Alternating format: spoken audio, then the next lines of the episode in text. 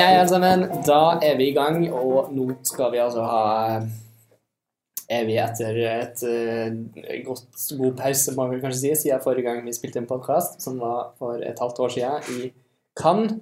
Nå er vi da tilbake i uh, rundt podkastbordet vårt, uh, der vi skal i å Min makker her, Øystein Egge, skal skal snakke om året som har gått. Jeg heter da Eivind Nordengen og sitter bak spakene i dag. Eh, velkommen, Øystein. Jo, tusen takk. Mm. Eh, det er mye som har skjedd siden sist. Eh, vi lagde jo en sånn topplistepodkast i fjor òg, men den blei jo nesten fem timer lang eller noe sånt. Så ja.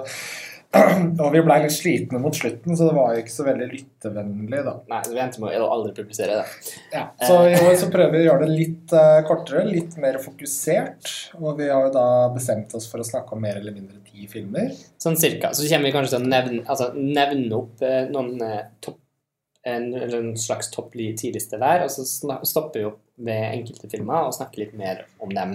Ja. Og så prøver vi å være litt Altså eh, litt fokusert og litt kjapp på hver enkelt film, tenker jeg. Ja. Noen av filmene er jo godt kjent for de fleste av dere som lytter på fra før av, tenker jeg. Mens andre kanskje fordi de er bedre, trenger litt bedre tid, eller fordi de kanskje er litt mer ukjente. Eh, at det er litt fint å få litt eh, ekstra info. Mm. Ja, så um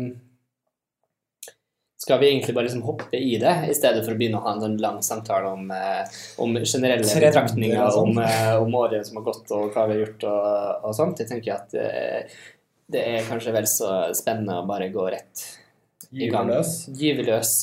Eh, skal, skal, vi, skal, vi, ha noen sånne boblere? Vi kan godt ta noen boblere, for jeg tror det er litt sånn, sånn litt, litt, litt, sånn eh, vi, vi, greier ikke helt holde oss til bare ti filmer hver. Nei. Um, så mm, ja, vil du starte med noen bobler, Øystein? Som er liksom dine, en slags fellesbetegnelse på alle dine ellevteplasser? Ja, jeg har faktisk skrevet tallet 11 eh, foran alle disse her. Eh, og så var jeg litt usikker på, fordi dette pleier vi alltid å ha en diskusjon om uh, før alle disse podkastene. Ja. Uh, hvilke filmer er det som er 2018-filmer? Hvilke filmer var filmer i fjor eh, og sånn. Og ja. vi har mer eller mindre blitt enige om at dette er filmer som skal gått på kino, eller ikke komme på kino neste år, i Norge. Ja, Men så har vi også bestemt oss for at vi driter litt i det. Vi driter litt i det også. Ja, Så det er litt anarki og litt, uh, litt regelstruktur på det. Så vi, vi, vi, snakker egentlig om de filmene vi har lyst til å snakke om. Ja. ja. Eh, jeg tenker jo at uh, en bobler som jeg tror også du har som bobler, um, mm. tror jeg, uh, er en film som heter Mandy. Ja. Den uh, ligger også på min delte ellevteplass. Uh, som den Den snakka vi vel strengt tatt om i den Cannes-podkasten vår. Ja. det kom vi på nå. Eh, så vi trenger ikke egentlig gjøre så veldig mye ut av dem. Ja, det er nok veldig mange av lytterne våre som har hørt den fra før. Ja, ja. Vår, vår, vår faste lytterskare. Men, men, eh, for dem som eventuelt ikke hørte den eh, podkasten, det anbefaler så gå inn og, og sjekke ut den. Mm. Um, det er jo en filmklubbfilm, eller en sånn midnattsfilm par excellence, mm. um, som nesten er en sånn perfekt uh, Nesten en perfekt film. Uh, eneste grunn til at jeg har den som bobler, er at den kanskje ikke holder samme intensitet hele veien, men uh, sjekk den for guds skyld ut. Ja, Nicholas Cage på syretripp og med uh, norsk fotograf. Benjamin Løb. Benjamin Løb. og filmen er allerede ute på salg på DVD i norske butikkhyller. Jeg har sett den på bensinstasjon. Så, på bensinstasjon? På bensinstasjon. I, Der hører den hjemme. ja, på en måte. Den gjør faktisk det. Samtidig som det er en, det er en skikkelig også, Den vises også liksom på Cinemateket i Oslo som månedsfilm, så det, den, den, har liksom begge deler. Ja, det er en blanding av Kenneth Anger og uh, Steven Seagal-film. ja, ja, helt, altså, et eller annet. Ja. Eh, så den, eh, men den, den eh, bobler. Og, ja.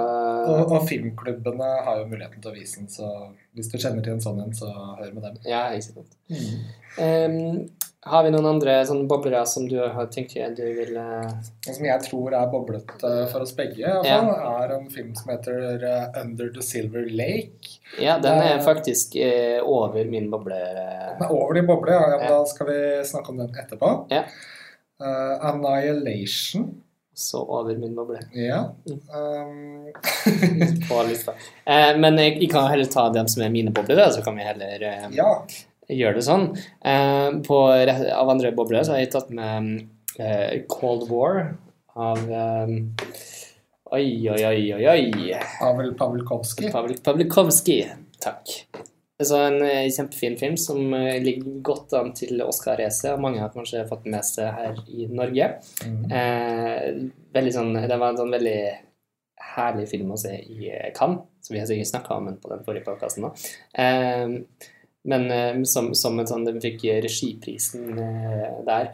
Eh, sånn, sånn litt, ganske sånn relativt liten film på en måte. Eh, bare 90 minutter. Ja da, bare 90 minutter, eh, men veldig godt spilt, veldig godt eh, eh, regissert og satt sammen i en sånn fortelling som foregår over en lengre tidsperiode på tvers av land i sylklare, vakre sort-hvitt-bilder. Eh, og eh, bare en veldig sånn engasjerende, egentlig romantisk fortelling på Ja.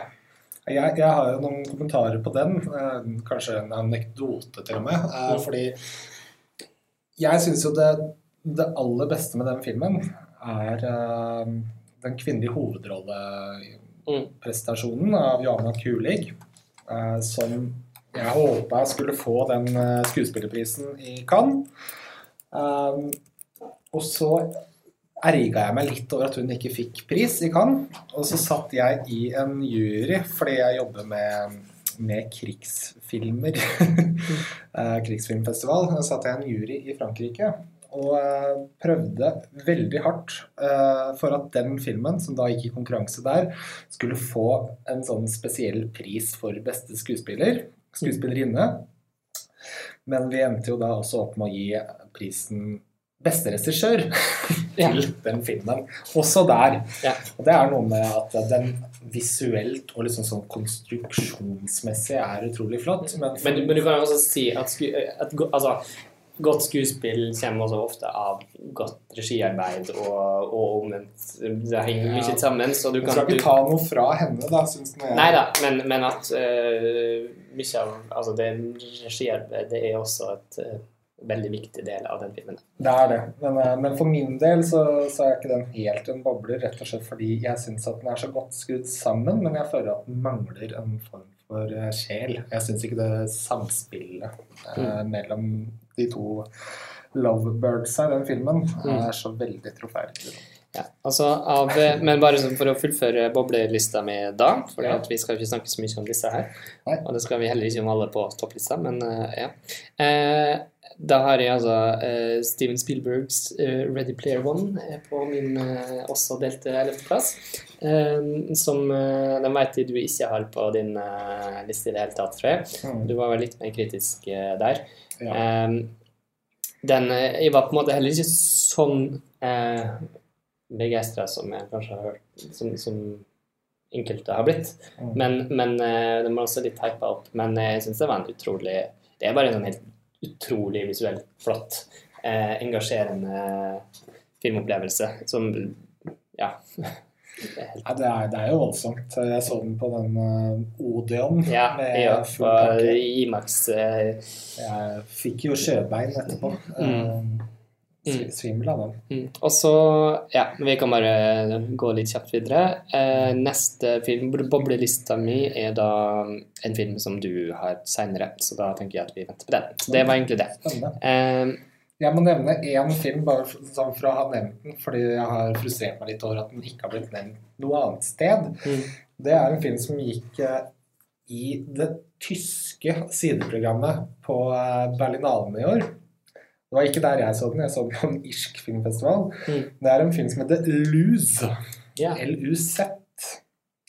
Eh, som er en Bare spor den opp, eh, det der, eh, det der hjemme. Fordi det er noe så utrolig som en sånn derre helt sinnssyk Cronenberg-aktig eh, homasjfilm fra Tyskland som både har en sånn 70-talls eh, filmtekstur og en sånn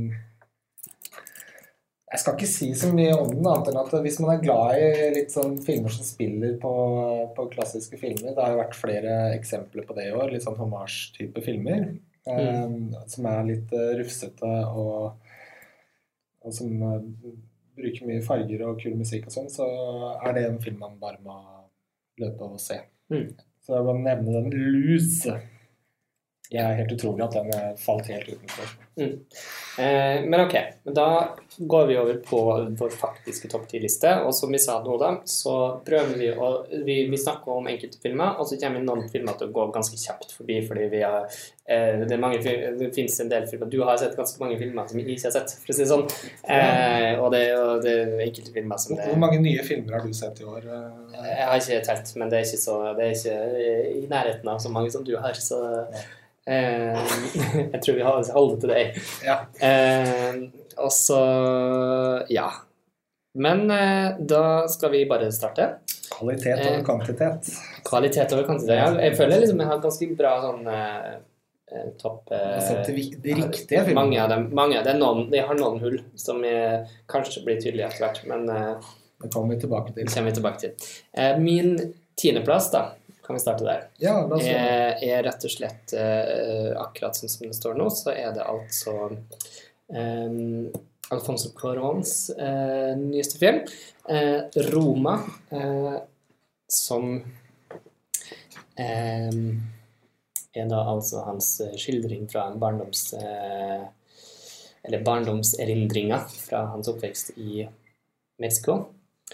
Eh, skutt i sort-hvitt, og er jo en film som eh, jeg tror mange allerede har et eh, godt eh, kjennskap til, for den har vært, fått veldig bra mottakelse her i Norge og verden for øvrig. Den hadde vært premiere på Venezia, der du så den. Mm.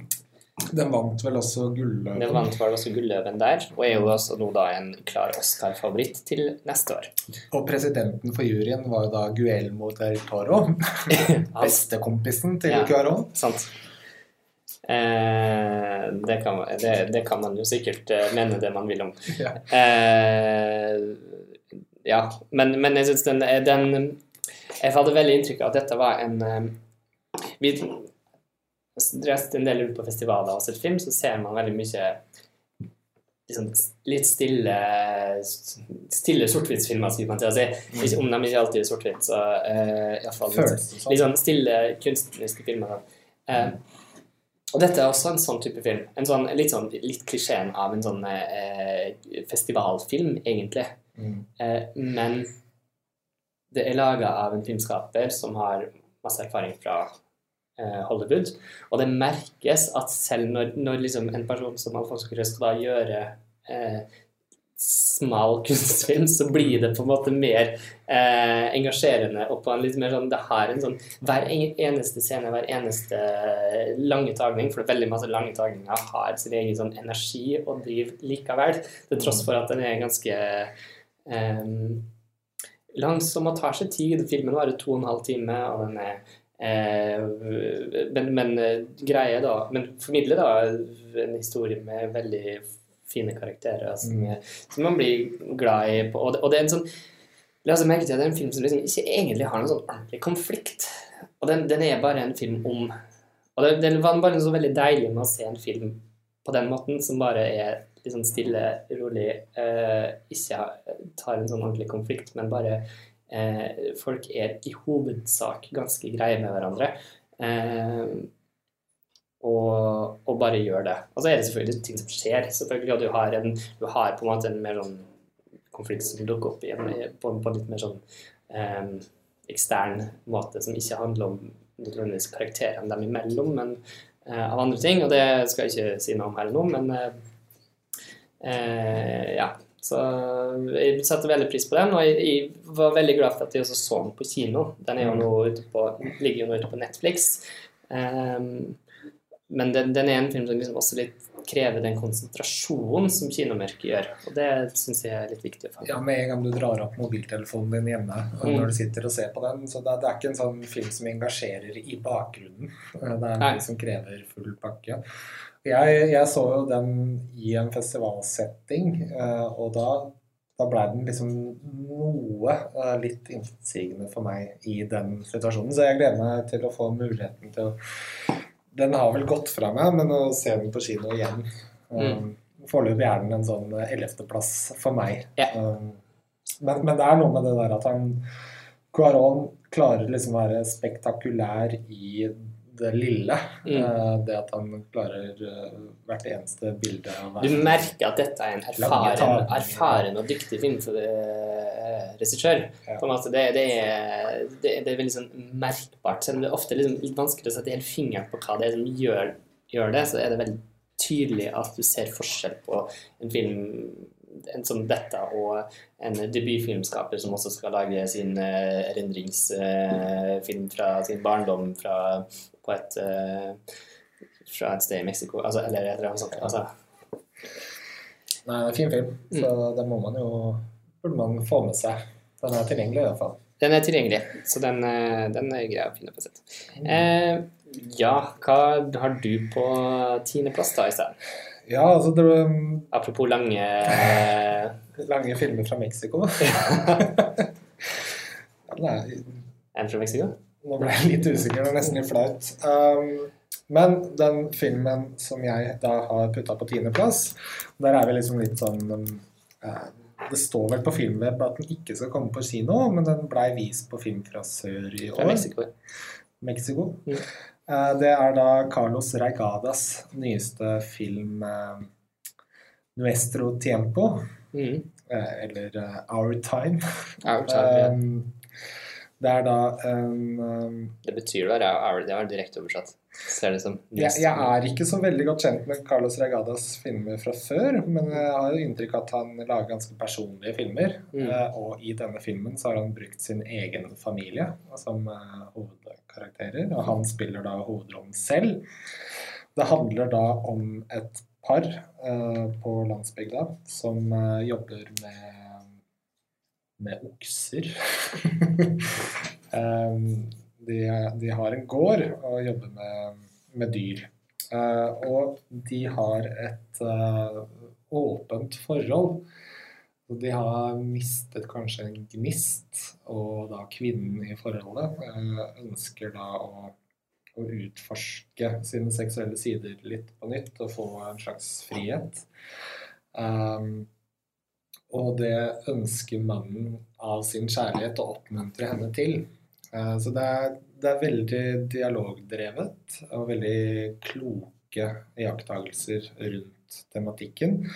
Den har også noen helt utrolige eh, innstillinger mellom land og by, og den har noen Det er en, et, en poesi i formspråket av filmen som er veldig eh, sjarmerende og Mm. fascinerende å se på.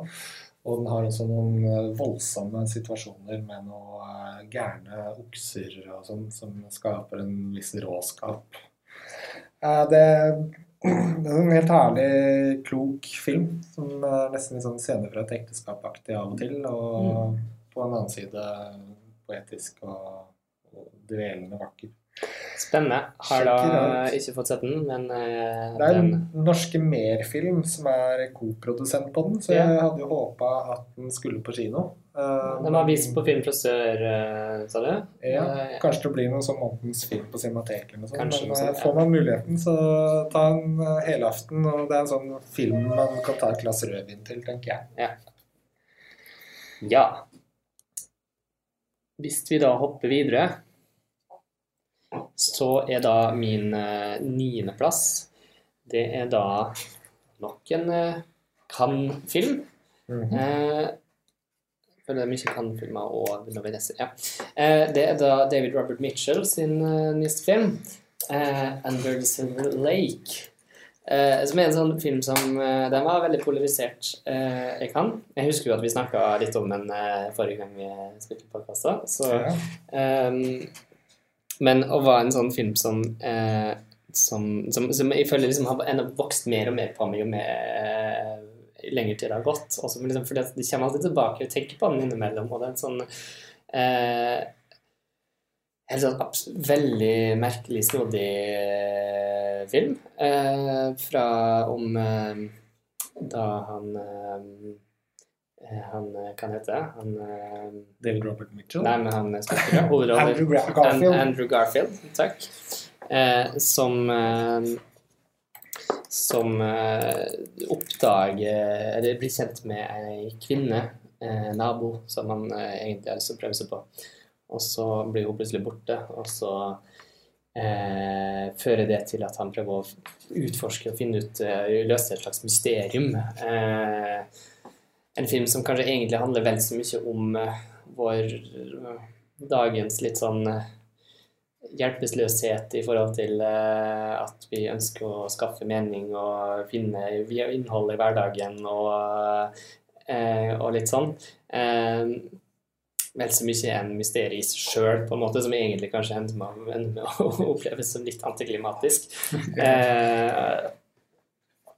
men, den med, men, er jo, er jo en sånn reise gjennom Los Angeles gjennom en skikkelig sånn, sånn ordentlig Los Angeles-film. Altså, man kan tenke, at, tenke liksom at så mye film som lages i Hollywood eh, på en måte Alt foregår i Los Angeles, og på en måte så gjør det det fordi det spilles inn der ofte.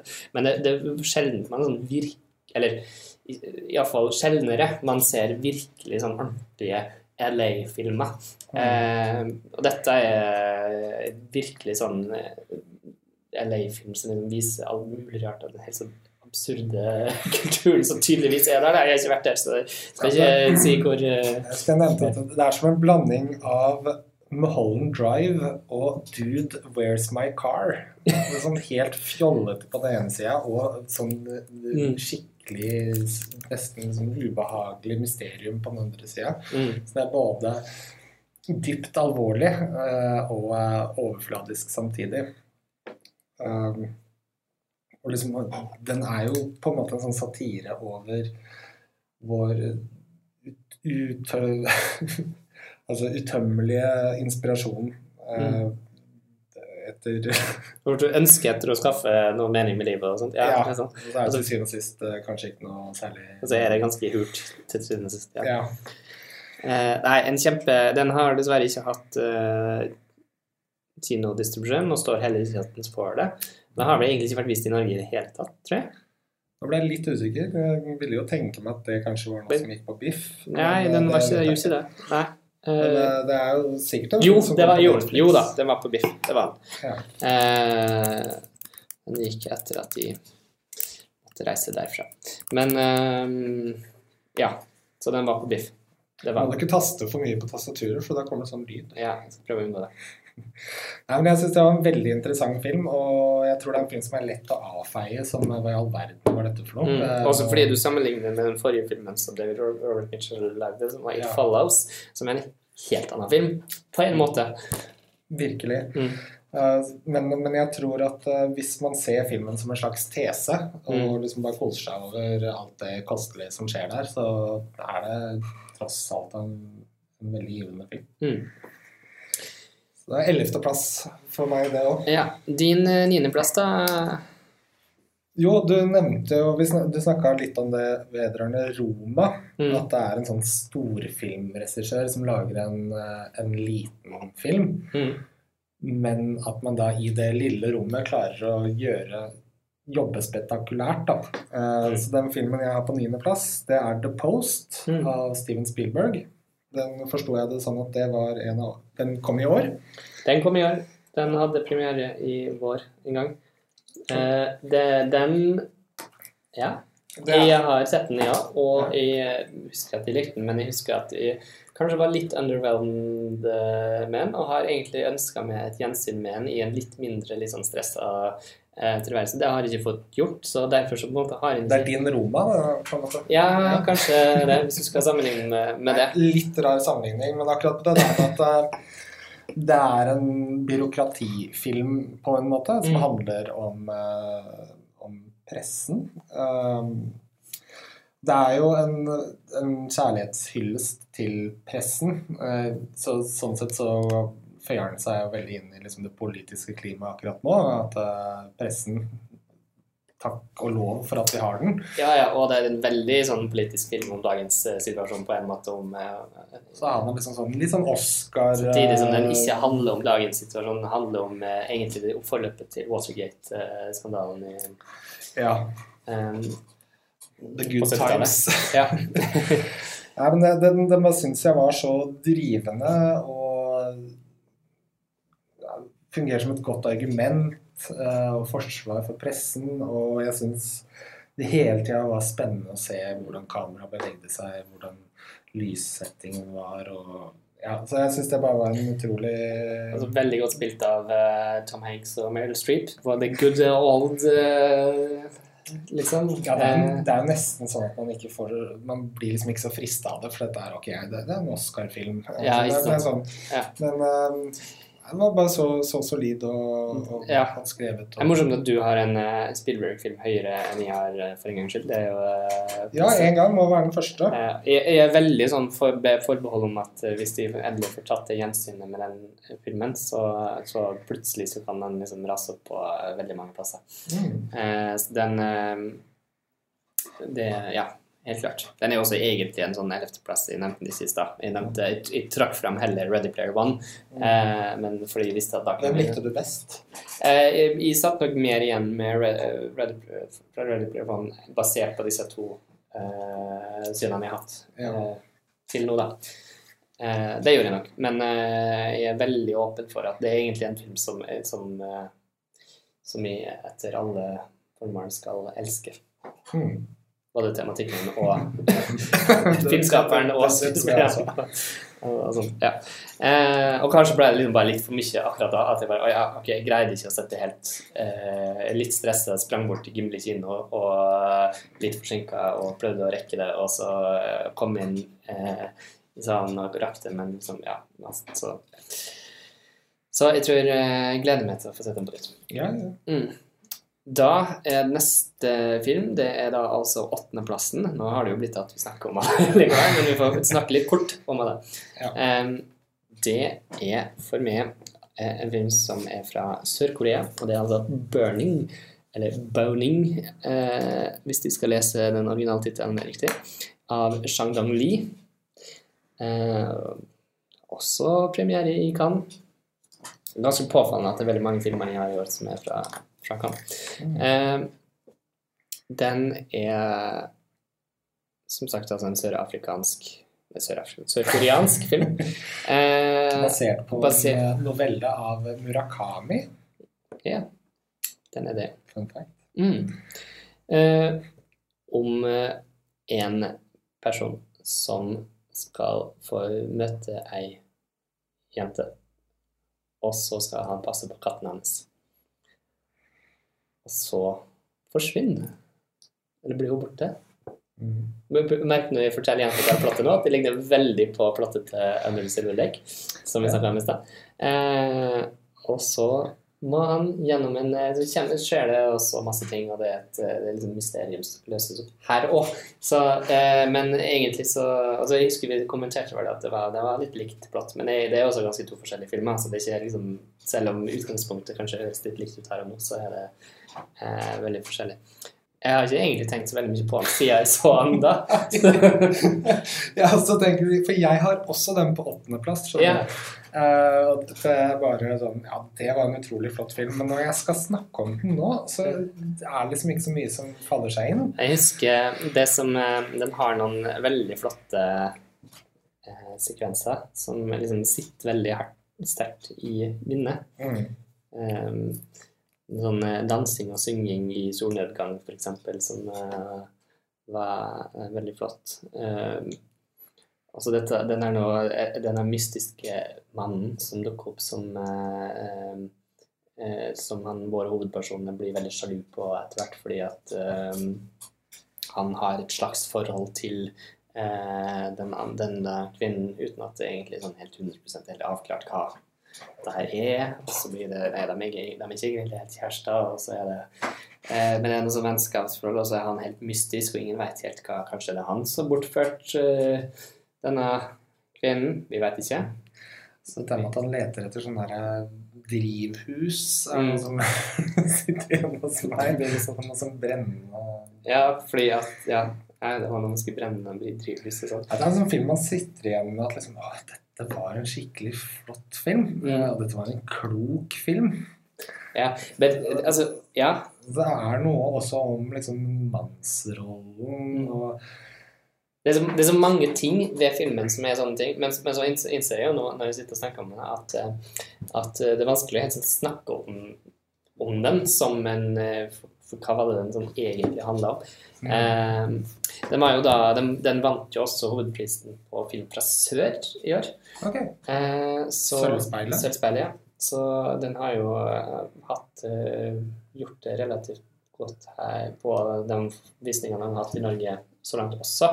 Mm. Um, så, men uh, 'Burning' er altså en film som, uh, som likevel liksom husker, men husker mer sånn fragmenter av den, og mer enn jeg husker liksom hva den egentlig handler om. Og det jeg tror, tror jeg også egentlig var litt poenget med den, at, at den, det, det innholdet er kanskje ikke egentlig det som var viktig med filmen. Altså sånn historien. Um, Det er mer form og stemning. mm. Nei, men jeg likte veldig, veldig godt. Så den havna derfor på en eh, plass. Det er en solid åttendeplass hos meg også. Ja, da var vi samstemt, samstemt, samstemt, samstemt om det. Ok. Eh, yes, ja, da er det jo videre, da. Eh, og da er det Det var en av de boblerne som eh, du så vidt nevnte i stad. Filmen heter da altså 'Annihilation' og er en science fiction-film. For det er jo i dette landskapet Alex Garland eh, jobber. Og om et si, et slags område som er litt sånn luk- som, som en sånn mystisk sone der eh, naturlovene plutselig litt sånn snudd på hodet. Og sånn fraktal eh, verden, som blir forklart som i filmen. ja, og vi møtte da altså Natalie Portman, som er en eh, biolog som, eh, som bestemmer seg for å Du får etter hvert vite mer om bakgrunnen til hvorfor hun bestemmer seg for å bli ut på et sånt oppdrag, men hun bestemmer seg da for å bli med en, på en ekspedisjon inn i denne sonen. Og da er greia det at på tidligere ekspedisjoner så ingen kommer ut av, av den, eh, av denne sonen som bare liksom bygges opp et eller annet sted i USA, sikkert. Um, og så kommer vi da inn i denne sonen, og vi får bare liksom oppleve eh, på veldig, veldig sånn kreativ eh, løsninger på, liksom, på alt som naturen har og har liksom mutert seg sjøl til å bli helt sånn forvridd og forvrengt. Eh, og vi skjønner jo snart at det kanskje er noe utenomjordisk som eh, påvirker dette her. Eh, men filmen er på en måte, den, den kommer aldri med noe sånn ordentlig svar på ting.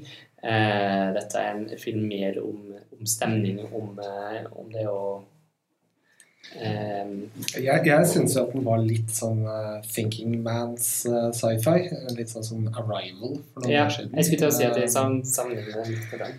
Eh, Fordi, uten at jeg kan her komme med en, en god forklaring, så følte jeg at jeg satt igjen med liksom Ja, dette scenarioet var veldig godt tenkt og liksom sannsynlig innenfor de rammene mm. som er her. Og så er, er det jo noen twister og sånn som er ganske heftige etter hvert. Men det er jo det, er det visuelle Mm. og de stemningene som bare er helt utrolige. Mm. Og som jeg er veldig lei meg for at jeg ikke fikk sett på kino. Mm.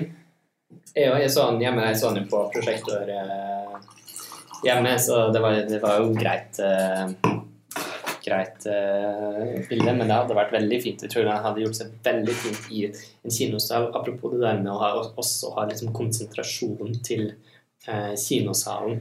Eh, altså Det handler ikke bare om størrelsen på, på lerretet, men, men også det der med at du må respektere sidemannen og ikke ha mulighet til å ta opp mobiltelefonen og, og akseptere det. på en måte. Og det, og det fordi dette er også en film som på en måte faktisk krever en konsentrasjon, og som krever en eh, Det er, det er ikke en eh, sier Thinking mens eh, eh, sci-fi og sammenligna med Arrival. Arrival er jo en veldig mye mer kommersiell film tross alt enn Annihilation igjen, selv om ingen av dem er Ja, den er kanskje mer straight forward. den, den er mer straight på en måte. Altså, den, den, den her Det var jo også litt, kanskje litt en grunn til at den ikke kom på kino. Og det var også mye av Netflix-sorten, men det var altså eh, Den var på kino i USA, iallfall litt. Ja. Men eh, Nå bare kan jeg hende jeg husker feil, men den, den var vel ikke akkurat eh, var akkurat store smell på, eh, på kino. Nei, men det hadde vært interessant å se om den hadde fått en høyere listeplassering hvis man så den på kino. Mm. Det skal ikke stå bort fra det. Nei, jeg tror, jeg tror det er litt sånn det, Dette er også en sånn opplevelse av en film. Eh, som du på en måte, Der du egentlig ikke Apropos liksom filmer som du egentlig ikke klarer å altså, At, at fortellinga ikke nødvendigvis betyr så veldig mye, så er dette en sånn film der bare den der opplevelsen av dette mystiske eh, området, denne mystiske sonen, eh, litt sånn utenomjordiske, men på jorden tross alt. da. Eh, og så er jo, kommer det jo en avslutning som bare går tar det sånn helt ut på en måte. som er helt sånn, eh, Da, da begynner vi nesten et godt klimaks. Yes, men ok. Eh, din sjuendeplass da i sted? Jo, den øh, Det er sjelden øh, at norsk film kommer på topp ti-lista. Det skjedde vel med Thelma i fjor, men det skjer jo da med Erik Poppe og hans øh, Utøya 22. juli-film. Mm. Den har kommet inn her. Og det er Altså den kinoopplevelsen av å se den filmen Jeg så den da i Norge, som er et norsk publikum, naturlig Mm. nok. Og det er jo en av de sterkeste kinoopplevelsene jeg har hatt, tror jeg. Altså publikum rundt, altså reaksjonene etterpå, at det, det var en helt spesiell opplevelse å se den i Oslo. Mm. Eh, det er jo da eh, det som skjer ute på Utøya i sanntid, eh, med litt sånn kontekstualisering før og til dels etter. Men den Det er jo fordi man er norsk, man alle kjenner noen som kjenner noen. Eller så Mm. kjenner man noen selv, eller, eller så var man der eh, i det lille landet vårt. Eh, og det å å se denne representasjonen av hva de ungdommene opplevde på den øya, det er jo veldig sterkt. Og særlig når man har valgt å få det til å se ut som det er én tagning. Eh, Martin Otterbeck, som har foto her, vant jo også nettopp eh, pris for beste foto på, på European Film Awards. Mm. Ganske velfortjent. Men eh, man føler seg jo på en måte fanget av det formgrepet, og man får noen tanker rundt det at eh, det er noen som skyter, eh, og så er det en politimann der. og Da er det første man tenker på, er jo å få hjelp fra en politimann, og at man ikke vet hvor det blir av hjelpen. Altså De minuttene blir veldig lange. Det syns jeg var en utrolig intens eh, opplevelse i en gynesal, og en utrolig viktig behandling av et traume. Eh, og, og også Jeg har hørt noen rykter om at eh, det ikke var med i originalversjonen. Og jeg tenker at dette er ikke noen spoiler å snakke om Utøya-filmen, men eh, på slutten så har de jo puttet inn en tekstplakat som jeg ikke tror var der i Berlin, eh, om Mm. Ja, den, er den høyreekstreme for å kontekstualisere det i større grad. Ja, for, Um, for å snakke om eh, at uh, høyreekstremismen er på fre- fremmarsj i Europa, sånn at den på en måte blir politisk uh, til syvende og sist. da. Mm. Det syns jeg var et helt greit valg. Ja, altså det er på en måte den, den, Litt av greia var vel grunnen til det var vel litt fordi at um, den fikk en del negative reaksjoner i etter av i- internasjonal presse. Ja, Som ikke helt skjønte hva Som ikke helt var tok laget eh, dette. Fordi at de så dette mer som en eh, litt sånn en, en Horrorfilm, horror. ja. Mens, eh, for, mens den har en helt spesiell betydning for det norske publikummet. Jeg skal jo si at den filmen står da enda litt høyere på min liste. Ja, den så på kunne vi kanskje komme tilbake til den. Ja, men vi kan, nå er vi innom den, så vi kan Ja, ta den. Ja. Eh, så den, den, den har havna på min femteplass. Ja. Eh, og det er også egentlig bare støtte til, alt det du har sagt til nå. Eh, den Er det en perfekt film? Nei. Eh, den er nok ikke det, men det er samtidig en av dem, som du sier, altså litt enig med, en av de sterkeste kinoopplevelsene jeg har hatt noen gang. Og det har jo selvsagt også mye med eh, vårt forhold til altså sånn, Selv om vi ikke har noe direkte eh, tilknytning til noen som Men du kan si men, altså, men vi kjenner det kanskje noen som kjenner noen. ja, vi satt jo eh, på nyhetene. Men, men likevel, alle, vi er jo alle berørt av det eh, likevel. Og eh, vi har jo, altså, jo fått, fått med oss både da og fulgt eh, tett i alle årene som har gått i etterkant, og hele eh, prosessen med rettssaken og med oppfølginga av alt mulig rart. Eh, en helt eh, utrolig film, som uh, utrolig sterkt. Jeg så han også i en, eh, en sal med veldig god, godt eh, lydutstyr på Det var vel den gangen på, på Odeon også, ikke i Imax, men i en av mindre salene. Veldig god. Jeg husker det var Dolby Atmos. Dolby Atmos må det ha vært. Eh, og disse, når, når du først begynner å høre disse skuddene som plutselig dukker opp, og fra liksom overalt i, i, i kinosalen, helt, det, det er utrolig vondt, og det er utrolig Du vet jo også hva som skal du nå begynne å utfolde, utfolde seg, det Men det er jo også da Man må gi litt kudos. eh, Du veit sikkert hvor jeg skal, men til hovedrolleinnehaveren Mm. da, som vant vel Amanda-prisen i år. Ja, jo, kanskje det. Eh, Andrea, Andrea Berntsen. Ja, eh, som da bærer den filmen veldig mye på sine skuldre. Og det kan nok kanskje også tenkes at hun fungerer såpass bra fordi hun er et ukjent ansikt, Mm. tror jeg. Eh, Men hun, eh, hun er Ja. usedvanlig god. Og så er det jo også da hun som vant beste birolle, som jeg heller ikke husker navnet på akkurat nå, men hun eh, jenta som da uh, venter på telefon fra moren sin. Eller, Mm. ja, ak akkurat den scenen der står igjen som en av de sterkeste scenene på, på film det siste året. Så det, nei, det, det er en bragd, og det er uh, all honnør til Erik Poppe som har gått inn i den materien og gjennomført den filmen Uh, til dels i skjul, og hele markedsføringskampanjen og, og kontakten med de etterlatte. Og det er ganske imponerende. Da går vi videre til eh, min eh, sjetteplass. Ja. Og det er da altså um, Luca Guardagninos uh, 'Call Me By Your Name'. God film. God film. Eh, vi skal kanskje komme tilbake til hans eh, Han har jo to filmer i år, og vi skal komme tilbake til den andre filmen han har hatt i år eh, etterpå.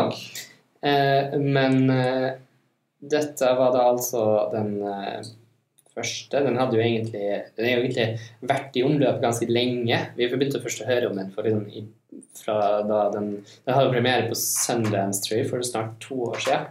Ja. Eh, og Men kom jo da på kino først i Norge i dette året.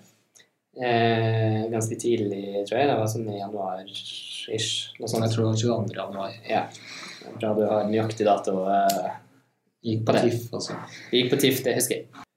Handler da om en uh, gutt i Italia Mm. som er ganske godt uh, språkvant, skulle jeg si. For det er ganske Det er en sånn film som Fransk og italiensk og mest, engelsk. men, ja, nesten mest engelsk. Ja. Uh, fordi at det kommer jo da en amerikansk eh, person som skal jobbe sammen med faren hans. Ja, en slags forskningsassistent. de, de, er, veldig sånn akademisk eh, familie. De forsker vel på språk også, det ikke det? Ja, noe sånt.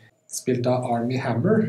Army Hammer. Um, for mange kanskje mest kjent, iallfall for min del, som um, uh, The Winklevoss Twins fra The Social Network. Akkurat. Uh, som Ja, for dem som har et godt forhold til den filmen, sånn som vi har. uh, og han, men, men denne gutten som er spilt av Timothy Chalamet Nei, Cham- Chalamet? Chalamet, Ja, Ja. ikke det? Jo. Jo, noe Ja. Eh, som eh, da Han får jo Altså, det, det oppstår jo da et slags en sånn connection mellom dem to som, eh, som etter hvert utvikler seg mer til, til, til noe.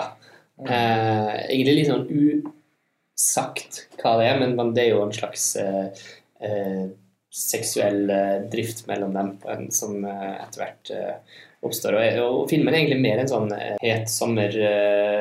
Sommerflørtfilm. flørtfilm, på en måte, men bare veldig godt laga. Ja, jeg har den jo i parentes i år, fordi jeg føler at det var en fjorårets film. Men så hadde den nok kanskje vært enda høyere Mm. som meg.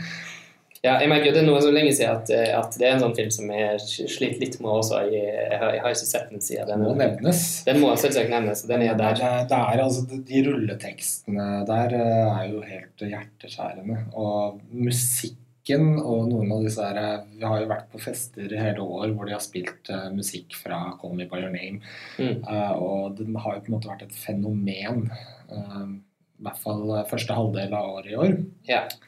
Og det, de bare viser at Luca Guandino Guadagnino Guadagnino. Guadagnino Mm. virkelig er eh, en av de fremste filmregissørene om dagen. Eh, etter den uh, The Bigger Splash, som jeg syns var litt ujevn, men som også hvor han fleksa film, muskler, så har han lagd en nesten perfekt, nydelig liten film med Colin Barney. Ja. Den, er, den, er, den er egentlig en, en, er en, så liten, perfekt film. Ja, det er liksom den, den nye naiviteten. En sånn deilig, nesten sånn som Skam hadde. Sånn, Ja. Alle er ålreite, og folk har forståelse for hverandre. og liksom ja. Apropos filmer liksom, som ikke trenger å ha, liksom, ha konflikt, men de kan bare liksom, være filmer med liksom, gode menneskelige relasjoner. Mm. Eh, og det er, er bare helt utrolig fint. Det er det vi trenger. Det er det vi trenger i dag. Det er kanskje litt det som ja, Kanskje trend. da. Trend, ja. Utøya og, og og ja. naive filmer. Mm. Ja. Og de er jo egentlig ikke naive. Det er bare det at man er vant til å se filmer, at alle skal ha en agenda, at det skal være konflikter og sånt. Mm. Du ser liksom, vant til liksom litt mer sånn oppkonstruerte historier. og sånt. Dette er liksom bare en, det, det er på en måte litt sånn slice of life. Eh, en sånn utdrag fra, fra livet. Eh, den sommeren der. Og Så så- er det noen gang noen eh, sånn, eh, Ikke for å snakke opp eller ned filmen, men det er jo rett og slett en ganske godt eller, Nei, han er ikke så gammel. Eh, Jeg husker når jeg så den filmen, så tenkte jeg Army Hammer han er jo godt opp i 30-åra, og så har han liksom et forhold med en 16-17 år gammel gutt. Ja, det var jo så var det liksom ikke sånn noen problematisering rundt det. Men så er han jo eh, 21 eller 22, eller noe sånt, hvis man leser seg opp på det. Er, eh, ja, altså han eh, ja, Aldersforskjellen er ikke så enorm i for skuespillerne. Spørsmålet er selvfølgelig hva det er de, eh, hvilken alder de skal eh, spille. Jeg tror det de spiller, gjør det mindre problematisk enn det kanskje kan fremstå som i aldersforskjell. sånn Ja. man ser på. Ja, men Det er litt deilig at den ikke problematiserer seg veldig mye. Det handler jo om en del vanskelige følelser og sånn, og det blir jo, det blir jo litt eh, dramatisk eh, fra tid til annen. Men det er mer sånn sånn er livet. Mm. Ja. Da går vi til neste. Det er din eh, er sjetteplass? Det er en eh, rakker av en film eh, som eh, en vis person kalte 'Porno for sinefile. Yeah. Det er rett og slett en film som heter 'Let the Corpses Tan'. Stemmer. Og den er da laget av Katé og Forzani. Bruno Forzani og Lauren Katé? Nei, mulig Se bort fra det fornavnet. Helen, Helen Katet og, Bruno Forzani. Ja. De er uh, en duo som har laget uh, filmer som jeg syns er veldig spennende tidligere. Blant annet uh, en veldig rufsete Giallo-hommage som het Amer i 2009 eller noe sånt. ja og, for ikke snakke om The Strange Color of Your Body's Tears. Jeg skulle komme dit, Ja. som, som virkelig tar det enda litt opp. Og nå, der de to filmene er Giallo eh, Altså destillert Giallo eh, For, eh, for våre eh, lyttere, Øystein, hva vil Giallo si? Det var en litt sånn uh, Ta gjennom uh, exploitation-sjanger, som det blei mye filmer av uh, i Italia på um, 70-80-tallet, var det vel. Uh, mulig jeg ble arrestert av uh, kultfantastene der ute. Uh, altså, du, du, Siden sist vi spilte podkast, så har jo du blitt filmlytter. Så da burde ja. du Endelig. ja. Det er dette her med mye farger. Det er ofte klin gærne kvinnelige mordere, seriemordere, som fremstår som menn i frakk og lærehansker. Mm. Uh, som uh, tar livet av folk, gjerne med kniv. Så det er en sånn ekstremversjon av noir på en eller annen måte. Og de to forrige filmene var jo da veldig omasjer til det, der fokuset ikke nødvendigvis var på en sammenhengende story, men ikonografien fra sjangeren. Og uh, veldig uh, filmatiske krumspring, særlig foto og lyd. Ja, fordi at uh, Let's Record scenen jeg, jeg, har også sett filmen sånn ja, på Oslo Fix. Og det er en uh, annen sjanger igjen, som også er en exploitation-sjanger, ja. som er mer men skulle også si, si at det er jo en film som også bare ikke har noe egentlig Altså nei, historien er ingenting. Nei, det er, det er, det jeg mener med porno for uh, sinefile. Dette mm. her uh, er at det er rett og slett bare money shots hele veien. Uh, det er uh, utzoominger, inzoominger, farger, lyder Rett og slett skikkelig kul filmat, filmatisk grep kule cinematiske grep eh, oppå hverandre hele veien. bakhistorien er vel noe røffe folk som skal begå et eh, ran. Um, og så blir det et oppgjør og ja, Det er egentlig bare en film om hele det oppgjøret ja. Eh, i, i noe sånt, noen slags ruine eller noe sånt. Ja, men det er, det er, i hvert fall bare sånn at Hvis man ser veldig mye film, så begynner man å sette veldig stor pris på det som er litt særpreget, eller det som er litt sånn uh, fik fikst. Og i den filmen så er hver eneste sekvens er inspirert. Uh, den er alltid filmet på en annen måte enn det som kanskje ville vært tradisjonelt. da. Uh, det, er alltid et eller annet fascinerende med hver eneste måte man løser noe som helst på. Og eh, farger og slow motion og, eh, og, musikk og Det er rett og slett bare en helt fantastisk uh, film for, for, den som er interessert i den slags. Um, og en sånn veldig filmklubbfilm, vil jeg også si. Mm. Uh, som, som, man kan tenke litt på, på den vi nevnte tidligere, Mandy. Uh, ja. At jeg, mye, mye, jeg må nok innrømme at etter hvert for min del eh, ble også litt uh, ble litt slitsomt. Enerverende, ja. Enerverende, helt klart. Eh, det kan også hende at det var litt eh, etter en lang festivaldag og, eh, og, litt sånn, så var det liksom Det, det slo litt feil ut. Altså, det var, jeg, jeg setter pris på, på, på, liksom, på, mange av de samme tingene som du gjør. Eh, en film men, men det var ikke en, søndag morgen, det er mer seint på lørdag kveld. Ja det, det, man burde kanskje ha drukket mer øl før, før visninga. Men apropos italiensk cello og da Dario Argento. For nå har jo da min femteplass, den har vi jo snakka om. Det var Utøya. Ja. Så da er det din femteplass skal jeg bare snakke og snakke, da. Mm. Fordi det, man kan jo se Men den kan vi godt snakke om litt felles. Man kan jo se en linje mellom de filmene jeg har i år. At det er noe litt sånn uh, omasjaktig. Dette, Dette var jo en film som uh, man skulle tro Uh, altså det, man fikk noe helt annet enn uh, en det man ja, trodde. Det er på en måte også veldig annerledes enn Lette Korpsestein. Ja, uh, det, er den filmen vi da snakker om. Det er Suspiria. Av, ja. Og også av Luca Guardagnino, ja. som vi nettopp snakka om. «The My Name.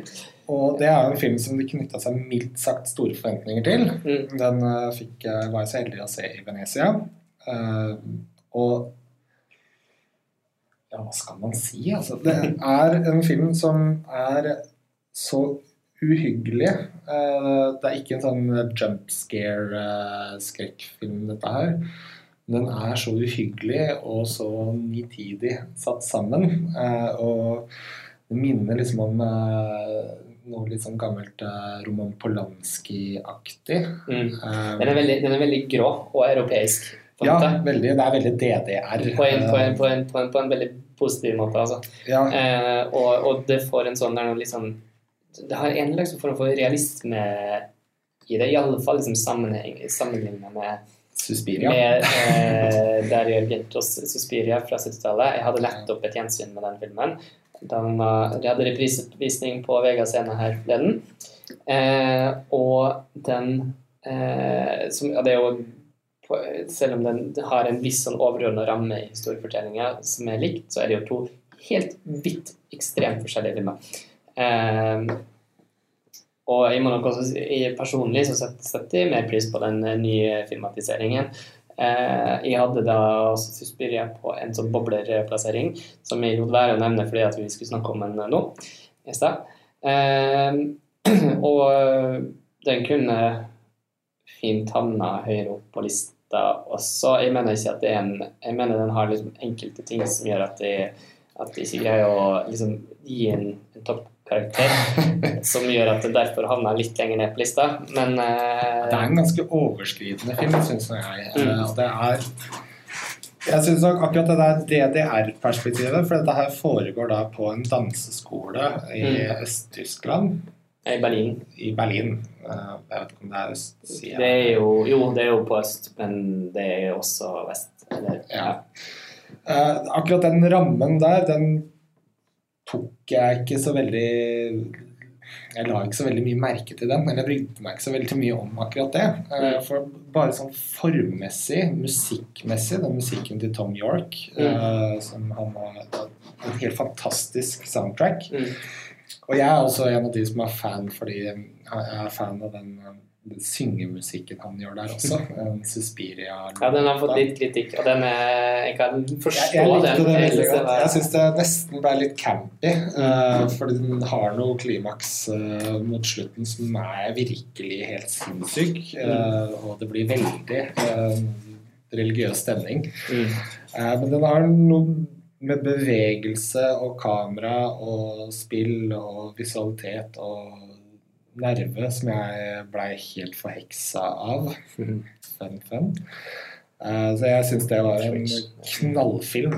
Mm. Uh, som kanskje om noen år havner høyere enn femteplass, men eh, det var der den havna i år. Ja, det jeg gleder meg til å se den på nytt. Ja, det, det gjør egentlig ja. Jeg tror ikke at den at den kunne havna enda høyere hvis de hadde sett den på nytt. Mm. Eh, jeg hadde også, jeg merker at den, ja, det der noe, det der perspektivet i det, og hele den fortellinga til han Tilda Swinton Til som spiller fire eller fem forskjellige folk. ja, tre, tre, tre, Tre, tre ja. Ja. Okay. Men eh, ja. eh, som eh, som eh, er Ja, nei, vel, det, var no, noe med den ene rollekarakteren karakteren der som på en måte ble litt sånn egentlig, Jeg sier at den var dårlig, men det var bare, det ble ikke like interessant som resten av, eh, av, av det som foregår inne på den skolen, som er jo der du på en måte ønsker å Jeg syns noen på film- og fjernsynsvitenskap eller sånt skal, eller filmvitenskap skal analysere den filmen. Bare sånn for å forklare eh, Mm. helt Sånn at vi får en analyse. Ja, bare sånn at vi vet hva, hva det DDR-greiene. Ja. Nei, eh, det kan hende at det kommer tydeligere frem hvis vi også ser den på nytt. Ja, Det er nok så- en viss sjanse for det. Så, veldig, så, så det er litt morsomt at Luca Guadagnino da har laga begge disse to filmene på, eh, på det samme året. Eh, for min del så havna da Calvin over pga. enkelte sånne ting i Suspiria som gjør at de liksom ikke greier å plassere en. Det har mer en sånn, Samtidig sitter de kanskje, sitter kanskje mer igjen med ting fra Suspiria enn Men det er også noe, nå har sett den mye nyligere, så jeg ikke, det blir litt vanskelig. Det, det, kanskje kalle 'Call Me By Your Name' en mer perfekt film, Ja. eh, men sånn bare på personlige preferanser av eh, Mm. ordentlig rustete, voldsomme greier, så er Suspiria dødskul. ja, den er veldig kul. Eh, så eh, Det er jo en film som ikke nødvendigvis passer for, eh, for arthouse-publikummet, eller kunstfilmpublikummet, og ikke nødvendigvis en film som passer for horrorpublikummet. Det er en sånn fin midt imellom. Mm. Ja, ok. Skal vi gå videre? Ja. Ok, min fjerdeplass er da altså Greta Gerwig sin debutfilm eh, 'Lady Bird', som eh, var med i Oscar-racet i år, så den eh, fikk jo litt eh, oppmerksomhet der. Eh, det er altså første filmen som eh, Greta Gerwig regisserer, men hun har jo også vært kjent som skuespiller tidligere. Har spilt i, eh, sammen med sin eh, ektemann eller samboer Noah Baumbach i sånn som Frances Ha og Mistress America, og mange mener nok at det kanskje var vel så mye hun som var den kunstneriske driven bak de filmene, som også er helt fantastiske filmer. Ja, det ligner jo litt. Og, og nå kommer hun å regisserer sin eh, første film, og den eh, har jo mange i likhetstrekk og gjør mye av det samme, og jeg står egentlig ikke så mye tilbake for um, for den filmen. Eh, så ja. Lady Bird, eh, altså eh, Der finner vi eh, Saoirse Ronan, som eh, rett og slett spiller en karakter som eh, het eh, Hun kaller seg sjøl for Lady Bird. Eh, hun har, har, har, vært mer vanligere navn, men hun, hun nekter å bli kalt omtalt som noe annet enn Lady Bird. Eh, som prøver egentlig litt å finne seg sjøl på denne high schoolen som hun eh, på, eh, går på, på Sacramento i, eh, i California, som tydeligvis er et litt sånn litt sånn utkantstrøk. Det er liksom sånn, det er på en måte ikke skikkelig ute på landet, men det er sånn akkurat litt sånn eh, små, Småby Hønefoss, ja. Sånn småbytendenser eh, som er litt sånn eh, Og det er veldig tydelig at eh, hun hun har en drøm om å egentlig komme Hun hun skal prøve å dra og reise ut og se litt på sånn college, og, eh, og skal prøve å eh, Hun har en drøm om å komme og reise til storbyen. eh, Særlig til et stort eh, universitet i New York, eh, eller noe sånt, fordi at hun eh, og, men eh, hun er jo egentlig god nok til det, og har jo egentlig talent nok til det, til å liksom kunne komme inn på de gode skolene der. Eh, mora hennes har et litt sånn spesielt forhold til mora, som må prøve å Fordi at hun eh, ikke vil at hun skal reise langt av gårde, hun vil at hun skal reise bort på det nabocolleget. Eh, er en utrolig sånn fin film om nettopp sånn, en sånn situasjon som jeg tror mange kjenner seg litt igjen i, alle dem som ikke er oppvokst i Oslo. Eh, det der med forholdet mellom hjemsted og eh, skal man reise, skal man bli Sac- Sacramento er på en måte Amerikas Molde. Ja, tydeligvis. Nei, nei, men det er sånn, sånn eh, Og den der med at eh, kanskje man liksom ikke oppdager skjønnheten med hjemstedet før man har reist bort. Det er noe med det. ikke? Um, Man må reise bort for å komme hjem. ja, ikke sant. Eh, nei, så en veldig fin, eh, fin eh, debutfilm fra Morsom. morsom film. Eh, Jeg satte veldig stor pris på den, eh, husker jeg. Så jeg endte faktisk opp med å sette den helt opp på en eh, fjerdeplass. Den eh, Vi får se om det står seg, men, men det, den, eh, den havna der akkurat nå. Ja. Mm. Fin film, det. Ja. Jeg hører at du er ikke like fan av den, Stein. Vi trenger ikke snakke så veldig mye. Trenger ikke å snakke om det. Nei. Eh, Det er en fin film. Mm. Eh, Ikke noe jeg er ikke noe hater av det, det greiene der. Nei, Nei, men det er- Baumbach, er det liksom inn- Greta Gerwig. Altså, jeg, jeg har aldri liksom falt noe særlig for noen av de filmene. Mm. Eh, Det er litt sånn som deg og Koreeda, kanskje. Ja, Men, Shoplifters står ikke Ja, på noen, av disse. eh, Den er på 11.-plass. Ja, den er på kanskje fem Nei, ikke 50.-plass, men eh, 25.-plass for min del, kanskje. Ja, det er greit. Ja, det, er, det er også en flott film, da. Men uh, jeg syns den er bedre enn Lady Bird. Ja, Det kan jeg si. Eh, Og begge er bra. Eh, ok, din, Fjerdeplass. din fjerdeplass. uh, som jeg hører og bør. Jeg, jeg har jo ofte dokumentarer på førsteplass og sånn. Mm. Eh, I år så uh, har vi Årets dokumentarvinner da, for meg, det er en film som heter The Work. Mm. Uh, nå har jeg ikke noe info om regissøren sånn foran meg. Men det er vel en film som hadde premiere på South by, by Southwest i fjor, tror jeg.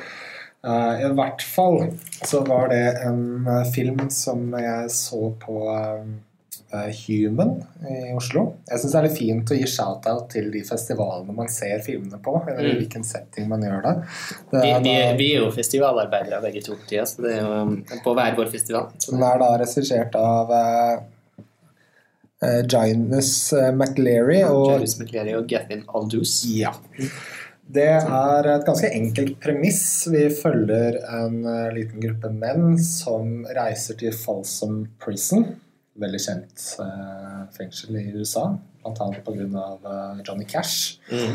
Um, der det er ganske tungt kriminelle. Uh, de reiser dit fordi de er en del av et sånn terapiprogram. Et gruppeterapiprogram som fengselet arrangerer. Og vi er litt sånn flue på veggen uh, her. Det er, det er ikke noen særlige interaksjoner med, med de som er uh, subjekter i filmen. Det er et enkelt premiss, og den er ganske enkelt uh, laget også. Men, men, det den tar for seg, og de situasjonene som oppstår i dette fengselet, er helt utrolige.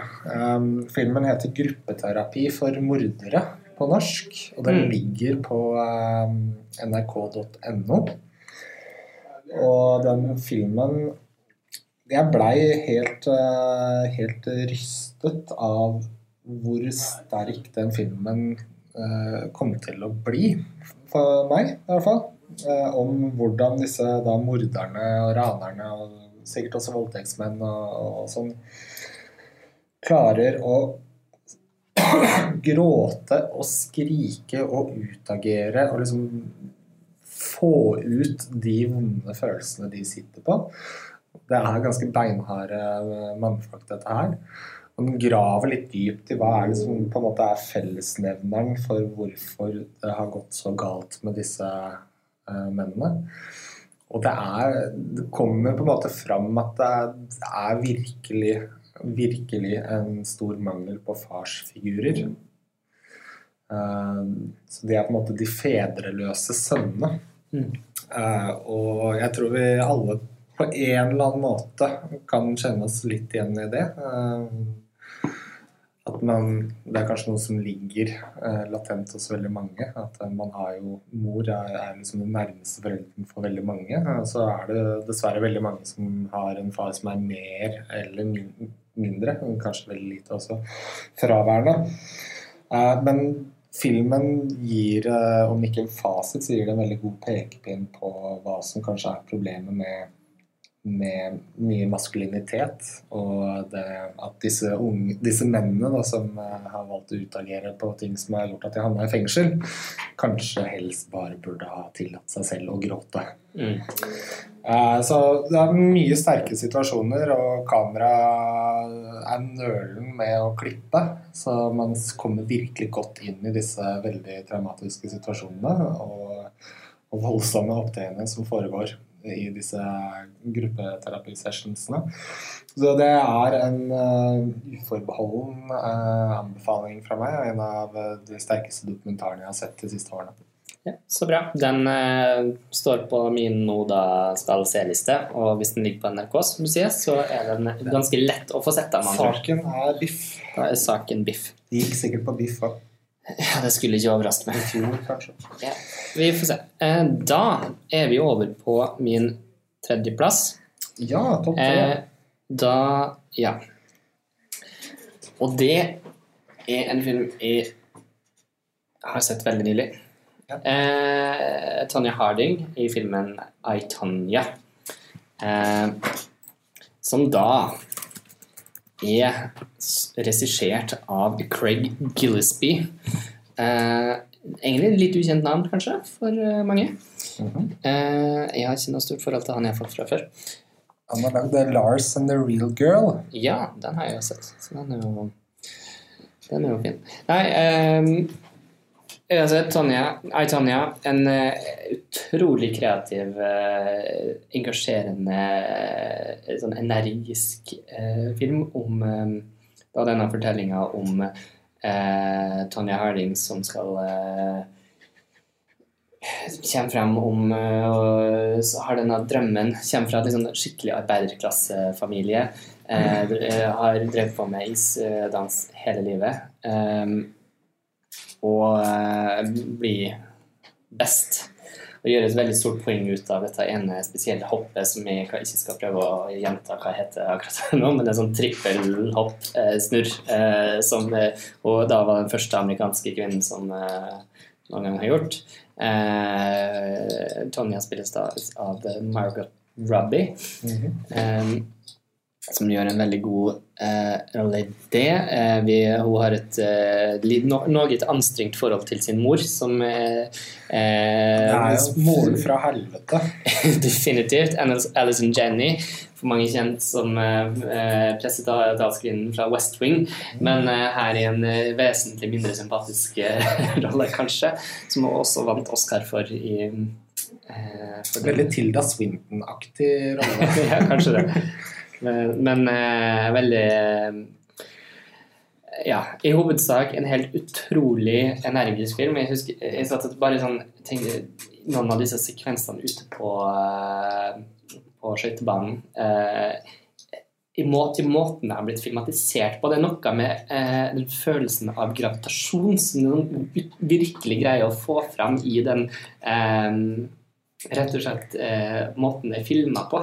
Eh, som er så utrolig eh, som, det, det er bare da heva disse enda et par hakk. I tillegg til at eh, det er en eh, veldig morsom film. Ja. Eh, veldig underholdende med Og den er noe det, Altså, det er jo en ekte historie.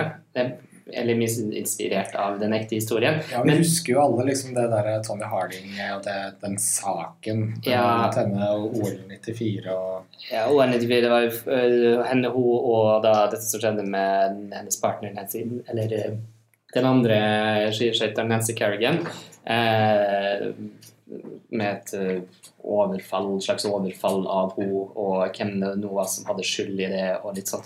Um, og, America's Dumbest Criminals. Uh, ja, det er skikkelig sånn altså, det, jeg på at det er veldig sånn det, Dette er en film som er basert på en ekte historie, men den er på en måte filma som om den ikke er det.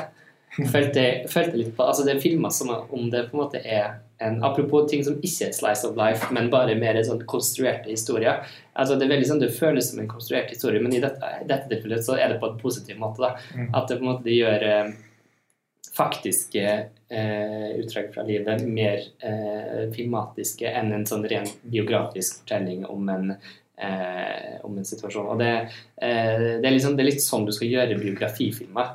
Så får man eh, sikkert eh, ikke sikkert at eh, dem som var involvert, nødvendigvis er like fornøyd med fremstillinga.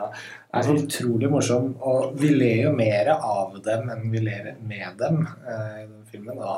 Hun I alle hun fall- blir wrestler og Ja, men i alle fall, jeg vil i alle fall si du ler i alle fall av jo, eh, mannen hennes som og disse folk, og han er, han er jo venn til mannen hennes, eh, han Sean, som bare er, helt fantastisk. uh, så helt sånn, ja. Og man føler jo med Tanja, selv om hun eh, Ja, for er jeg synes egentlig opp midt oppi det hele så er det en ganske sånn litt sånn sår historie om fordi det var på en måte egentlig ikke hennes skyld den situasjonen, og hun var jo på en måte den beste, men hun ble liksom motarbeida av systemet fordi at hun var litt sånn eh, gikk sin egen vei og skulle ikke var litt sånn rockestjerne oppi eh, alle disse elegante eh, danserne som, eh, som dansa til eh, klassisk musikk. Så kom hun og eh, dansa til CC Top og eh, var helt sånn eh, ja, gjorde ting på sin egen måte. Da.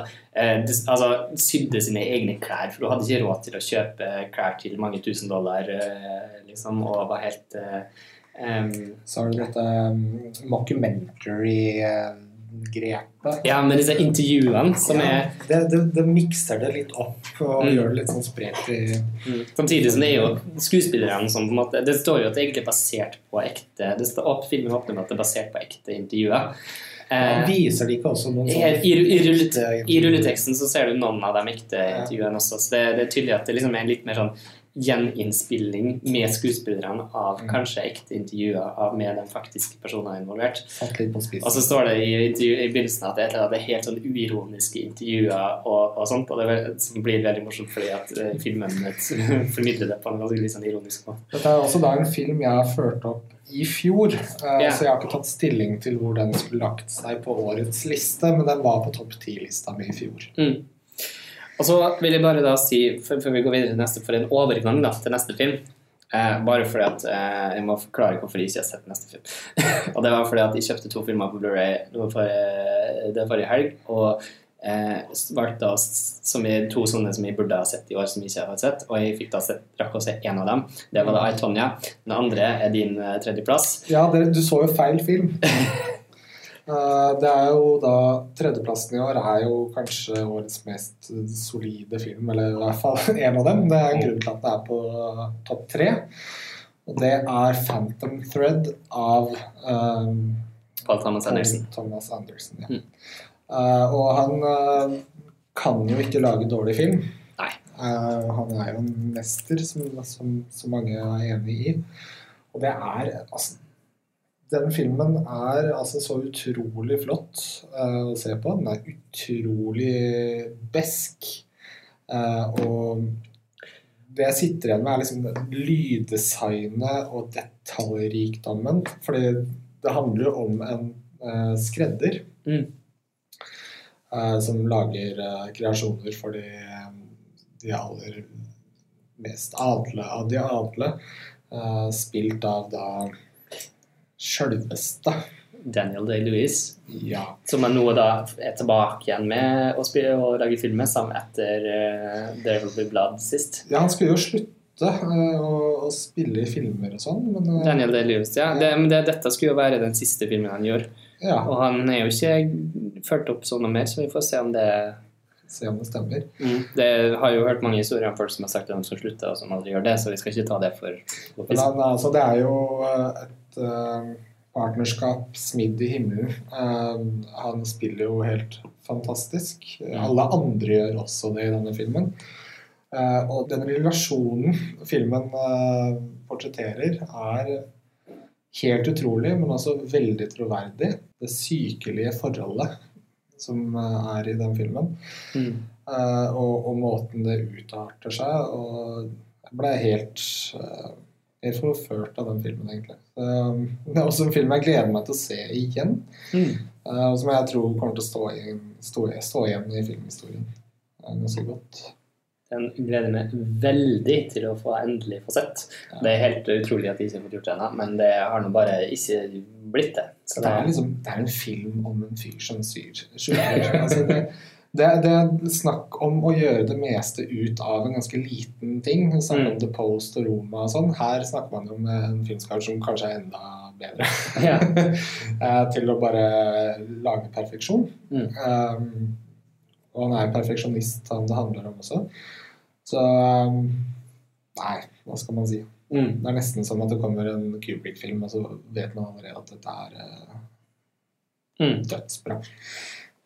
Så da er vi over på andreplassen vår. Eh, Vår, ja. Vår, fordi vi har da samme film på andreplass.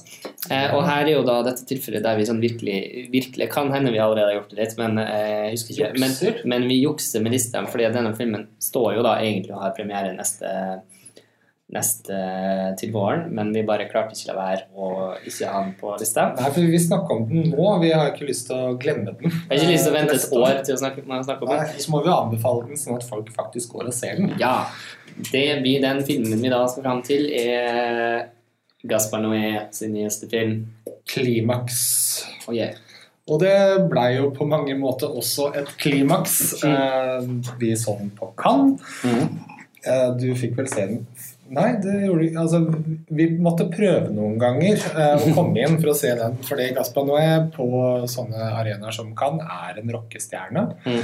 Folk eh, vil få med seg det han har lagd. Han har jo da tidligere lagd eh, filmer som eh, Alene mot alt, uh, Irreversibel eh, og Enter the Void, og nå senest Love for et par år siden. Jeg syns med Klimaks så er han virkelig tilbake i form. Eh, for det i hvert fall jeg liker veldig godt med filmene hans, er hvor uhyre ubehagelige de kan være. Mm. Og også hvor eh, virtuose de er i filmspråket sitt. Eh, det er irreversibel og alene mot alt, og kanskje til dels også Enter the Void, ikke hadde noen sånn særlig grad av lyspunkter eller humor ved seg. Um, Love er vel nesten en eh, til tider litt eh, komisk eh, til han å være. Mm. Eh, så vil jeg si at eh, Klimaks har litt av den eh, glimt i øyet eh, som, som Love hadde. Og, men har også noe av den jævelskapen som han er så god i eh, fra før av. Og det, han, det er en veldig enkelt premiss. Det er en dansetrupp på en, eh, en stengt skole som skal feire at de er ferdig med generalprøve på, på et eh, dansestykke. Og de eh, spiser og drikker da fra en eh, sangeriabolle som eh, noen kanskje har putta noe greier oppi. Eh, og det, da følger vi denne gjengen. eh, en veldig sånn organisk film om som starter som en eneste sånn stor dansefest med helt utrolig dans og voging og musikk til å bli en sånn marerittopplegg der noen syns det er veldig gøy å være veldig rusa uten å vite hvorfor, eh, mens andre er på virkelig bad trip. Um, og han har jo blitt um, han er jo, Gaspar Noé er veldig klar over at han har blitt en kultfigur, en kultautør og en en fant terrible. Mm. En uh, person som lager litt sånn sjokkerende filmer. Uh, så den er veldig selv... Uh, altså selvreflekterende. Eh, altså han bruker veldig mye sånn fiksfaks eh, ting og referanser til seg selv. Eh, Det starter jo med at han viser masse forskjellige referanser. Her er referansene til filmen, for du ser en sånn uh, gammel TV-apparat hvor uh, audition til alle disse som skal være med i dette stykket vises. Og så rundt så er det DVD-er, filmer og andre inspirasjonskilder til den filmen vi nå skal se. Og så begynner den med slutten. og så det er, det er veldig mye sånn Gaspar Noesk over det. da. S- Veldig er herlig sånn filmfilm, film, filmfilm, på en måte. Ja, Eh, men men, men altså, altså blir det jo på en måte helt jævlig etter hvert. ja, ja, ja. Og det, og det er jo sånn at det. Man må bare le bare man tenker på filmen. Eh, Selv om Det er den er sånn- veldig ubehagelig, så er den jo også litt morsom i sin sånn outrerte Men så er det jo bare sånn bare, bare liksom, den dansesekvensen som er liksom tatt i one take omtrent. Og det, det er bare eh, Jeg fikk jo først inntrykk av at hele filmen nesten skulle være one take, og så var det jo ikke det. Men det, det, var, det er mange lange tagninger der òg. Og Dette er jo også cinefil porno. eh, eh, helt definitivt. Og ja, altså Musikken er noe av det kuleste Mm. soundtracket jeg har hørt på år Mm. dag. Um, alle disse situasjonene som oppstår, og så er det en liten unge der som ja, er som er der bare helt forferdelig på en måte. Som får i seg dette her. Og det er så grusomt. Ja, altså, så sperrer jeg inn i det der rommet etter hvert, og så er det altså, Det kameraet liksom beveger seg inn i disse gangene. Eh, litt sånn, Da er vi tilbake mer på Enter the Void-stadiet igjen. Ja, Eh, og irreversible. og irreversible, Fargene og den pulserende lyden i bakgrunnen. Mm. Og liksom, den leker virkelig med, med kroppen til den som ser på. Ja, helt utrolig. Den er, det, det, det, det, det, det er en film som eh, er virkelig drar det til nesten bokstavelig talt inn i Ja, nei, så um, Det er ikke så mye mer å si enn at det bare er en så fantastisk kul film. Uh, og en si masse, men, eh, ja. ordentlig rabagast av en film. men, vi skal, men vi skal la folk få lov til å se den på når den kommer på kino. Den skal først vises på TIFF uh, Ja, i Tromsø. og så skal den, store iallfall på filmen ha har premiere i februar 2019, så det Ja, og der må vi jo gi årets uh, distribusjonspris, hvis vi skal begynne med det, til Another World Entertainment, som da vant uh, gull på, på Cannes i år, med både Gullpalmen, mm. Shoplifters Og eh, Uncertain Regard. Uncertain Med Regard, Girl. Ordprisen. Som- Nei, de hadde Nei, ikke Girl. Grensen, mener jeg. Beklager. Med Grensen, Ja. som vant Uncertain Regard. Den vant Og da Climax, som vant eh, de viktigste prisene, eller den Mm. viktigste prisen i uh, Directors Fortnight. Ja. Så det var det. Var det. Uh, ja. Da er vi kommet til førsteplassen. Ja. Den er ikke Eh, lik. Den er ikke lik. Eh, førsteplassen eh, min, den sa vel du også en sånn film for din del som er sånn Egentlig du har avskrevet som en 2017-film. Ja, den var på topp fem i fjor. Ja, eh, den var egentlig kanskje det for min del òg, men, den har, men siden vi ikke egentlig publiserte en eh, topp top ti-liste i fjor, Ja. på noe som helst måte, og siden den faktisk hadde norsk kinodistribusjon i 2018, så den er helt innafor å ha på årets liste. Ja, Jeg hadde dog premiere ganske tidlig, det var, var det en sånn januar-ish film, tror jeg. Mm. eh, det er da eh, Sean Baker sin Florida Project, som er min førsteplass. Eh, den hadde da som også premiere på Cannes i 2017, og var da en Directors Fortnite-film der. Mm. Eh, og handler da om en gruppe barn eh, som bor på en sånn motelløsning eh, rett i, i Florida. Eh, like liksom utenfor Disney World i Florida. Eh, og dette da eh, liksom, eh, Vi snakket om, liksom, litt om sånn klassereisefilmer. Jeg var innom både eh, I, Tonya og for så vidt også Lady Bird med, med det her. Ja, den har vi ikke snakket om. Men, eh, men, men eh, Florida Project, virke- her, er det, her begynner vi å snakke virkelig white trash eh, Amerika eh, på, på lavt nivå på, liksom, På lavt nivå. Det hørtes så På veldig høyt nivå filmatisk, eh, men eh, det høres veldig fordomsfullt ut akkurat her nå, merker jeg. Eh, men det var ikke meninga. Eh, poenget er at vi følger disse barna som eh, greier da å finne liksom, lek og moro i en ganske sånn i sånn ikke spesielt god, eh, godt miljø for oppvekst, da, for å si det sånn. Det er vel særlig da ett barn og Vi føler da særlig eh, da hun som heter Mooney, eh, og da hennes mor, som eh, ja, er svært ung, sannsynligvis, eh, som du sier, tenåring, eh, rundt omkring på dette motellet, og så og Det er egentlig bare en film som følger i altså det er så små situasjoner historier som skjer ut av det, og eh, det er lek og moro, eh, men, så, men så er det vi som et eh, litt voksnere publikum som ser alvoret rundt det. Og vi ser jo da, og så følger vi også litt eh, denne bestyreren på dette eh, motellet. Ja, Willem Dafoe. Willem Dafoe, Bobby, som, eh, som gjør en av sine beste, sin karrieres beste roller. Han var nom- Oscar-nominert for den, og burde selvfølgelig ha vunnet den Oscaren. Det gjorde han da ikke, men eh, Og eh, som, som eh, da vi får en sånn smak av dette alvoret. Den er en helt sånn utrolig sjarmerende, men også sår og fin film. Som eh, Og troverdig. Og veldig troverdig. Ja, veldig sånn i barnas øyenhøyde eh, Ja. hele tiden. Den, den er så varm og god mot mot de karakterene i filmen. Den er, Mm. jo ikke dømmende eller noen ting. Og det er, som du sier, så, så ser vi det som voksne, ser det alvoret i denne situasjonen. Mm. Men den lar oss også se den varmen og den livsgnisten og det, den, det de gjør ut av den situasjonen. Mm. uh, som virkelig er sjarmerende.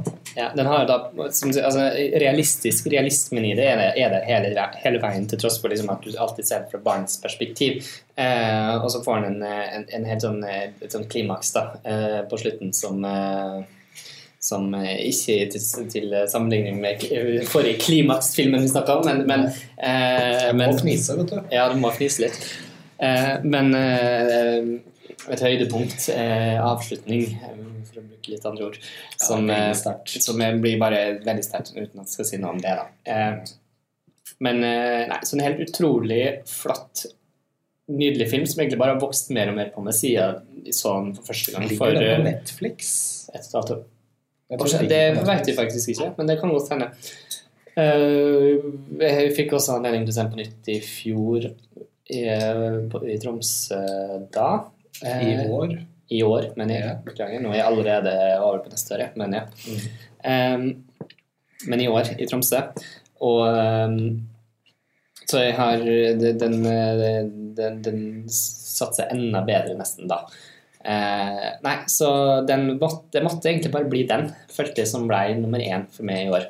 Eh, det er den filmen jeg liksom i størst grad av vår liste føler at vi vil liksom anbefale alle å se. Eh, Mm. så ja, og vi er jo begge glad i den. Du sa at du kanskje satte den mer som en fjorårsfilm, så derfor så uh, nei, jeg, det, jo, når vi snakker om den her, så bare innser jeg at det er jo en av de beste filmene fra både i fjor og i år. Mm. Uh, helt uh, fantastisk. Så har man ikke sett den ennå, så se den. Gjerne i jula. Ja, altså jeg sånn at det har, jeg har sett den to ganger, gleder meg egentlig til å se den på nytt, for det er en sånn film man kan se mange ganger, tror jeg. Så se den gjerne i jula. Følg uh, Hush utenfor, uh, utenfor Disneyland. Hushpuppy, ja. Det. Jeg skal ikke sammenligne det med Peace of the Nei, det var det jeg Ja, det var det jeg trodde. Nei, Florida Project mye bedre film enn of the Seven Five. Ja, det er jeg helt enig i. Så da er vi over på din uh, førsteplass, Øystein. Uh, dette er jo da en film som, uh, som jeg nesten glemte oppi alt dette her. Jeg må jo da først si at eh, den egentlige førsteplassen i år, den eh, blir utsatt til neste år. Mm. Det er en utrolig flott film med Natalie Portman. Mhm. Men det, det kan vi kanskje snakke om neste år. Eh, men uh, der følger vi ikke den regelen. Der, der følger vi regelen. Ja. ja, der følger vi regelen. ja. Men uh, For nå, det er en film som kommer til å bli en snakkis neste år. Ja. I større grad enn Clamex, og derfor Climax trenger mer Ja, kanskje. kanskje. Men jo, førsteplassen i år, det er en film som har gått stille i dørene. Veldig, dessverre. Um, jeg fikk jo nå nettopp lære at den hadde premiere på Venezia i fjor, og der var jo jeg, og jeg fikk jo ikke med meg at den gikk der engang. Mm.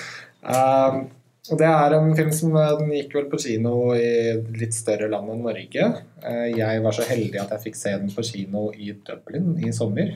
Eh, Og er så utrolig glad for at jeg gjorde det. Filmen kom direkte på DVD, og kanskje også Blu-ray i Norge. Kanskje. Kanskje. Og det, det er veldig flott at denne filmen var så bra som den var. Eh, Det er en film av eh, Paul Schrader, eh, som har hatt en litt brokete karriere, men som er en, en nestor i, i filmvitenskap og, og filmhistorien. Skrev 'Taxi Driver' og 'Raging Bull'. Mm. Eh, han har da skal kanskje si tittelen snart. Uh, yeah. Filmen heter da 'First Reformed'. Mm. Det er min nummer én i år. Um, det, da, det handler da om en prest i et lite lokalsamfunn eh, i USA. Um, Upstate New York, som det står her. Upstate New York, tydeligvis. Um, og han er da pastor i en kirke som heter First Reformed. Uh, han spilles da Ethan Hawke. Uh, og det, det handler da rett og slett om Det er liksom bergmannsk tematikk om tro og tvil. Um, man kan kanskje tenke på den Hva heter den? Lys ja, Det er altså en Bergman- Bergman-film som er veldig lik den her uh, tematisk. da. Uh, men denne filmen her slår en spiker inn i, i samtiden, følte jeg. Uh, han, hans rolle som da denne pastoren, eller presten i denne kirken, er jo å løfte lokalsamfunnet sitt. Trøste de som er i håpløse situasjoner. Men når da en prest begynner å tvile på håp, eller miste håpet for menneskeheten, kan man kanskje si, så er det selvfølgelig en stor kvale for en prest. Uh, han, det handler da om en prest som blir kjent med et par som er veldig engasjert i miljøsaken. Um, hvor da, uten at det nødvendigvis er å spoile, um, det skjer et selvmord.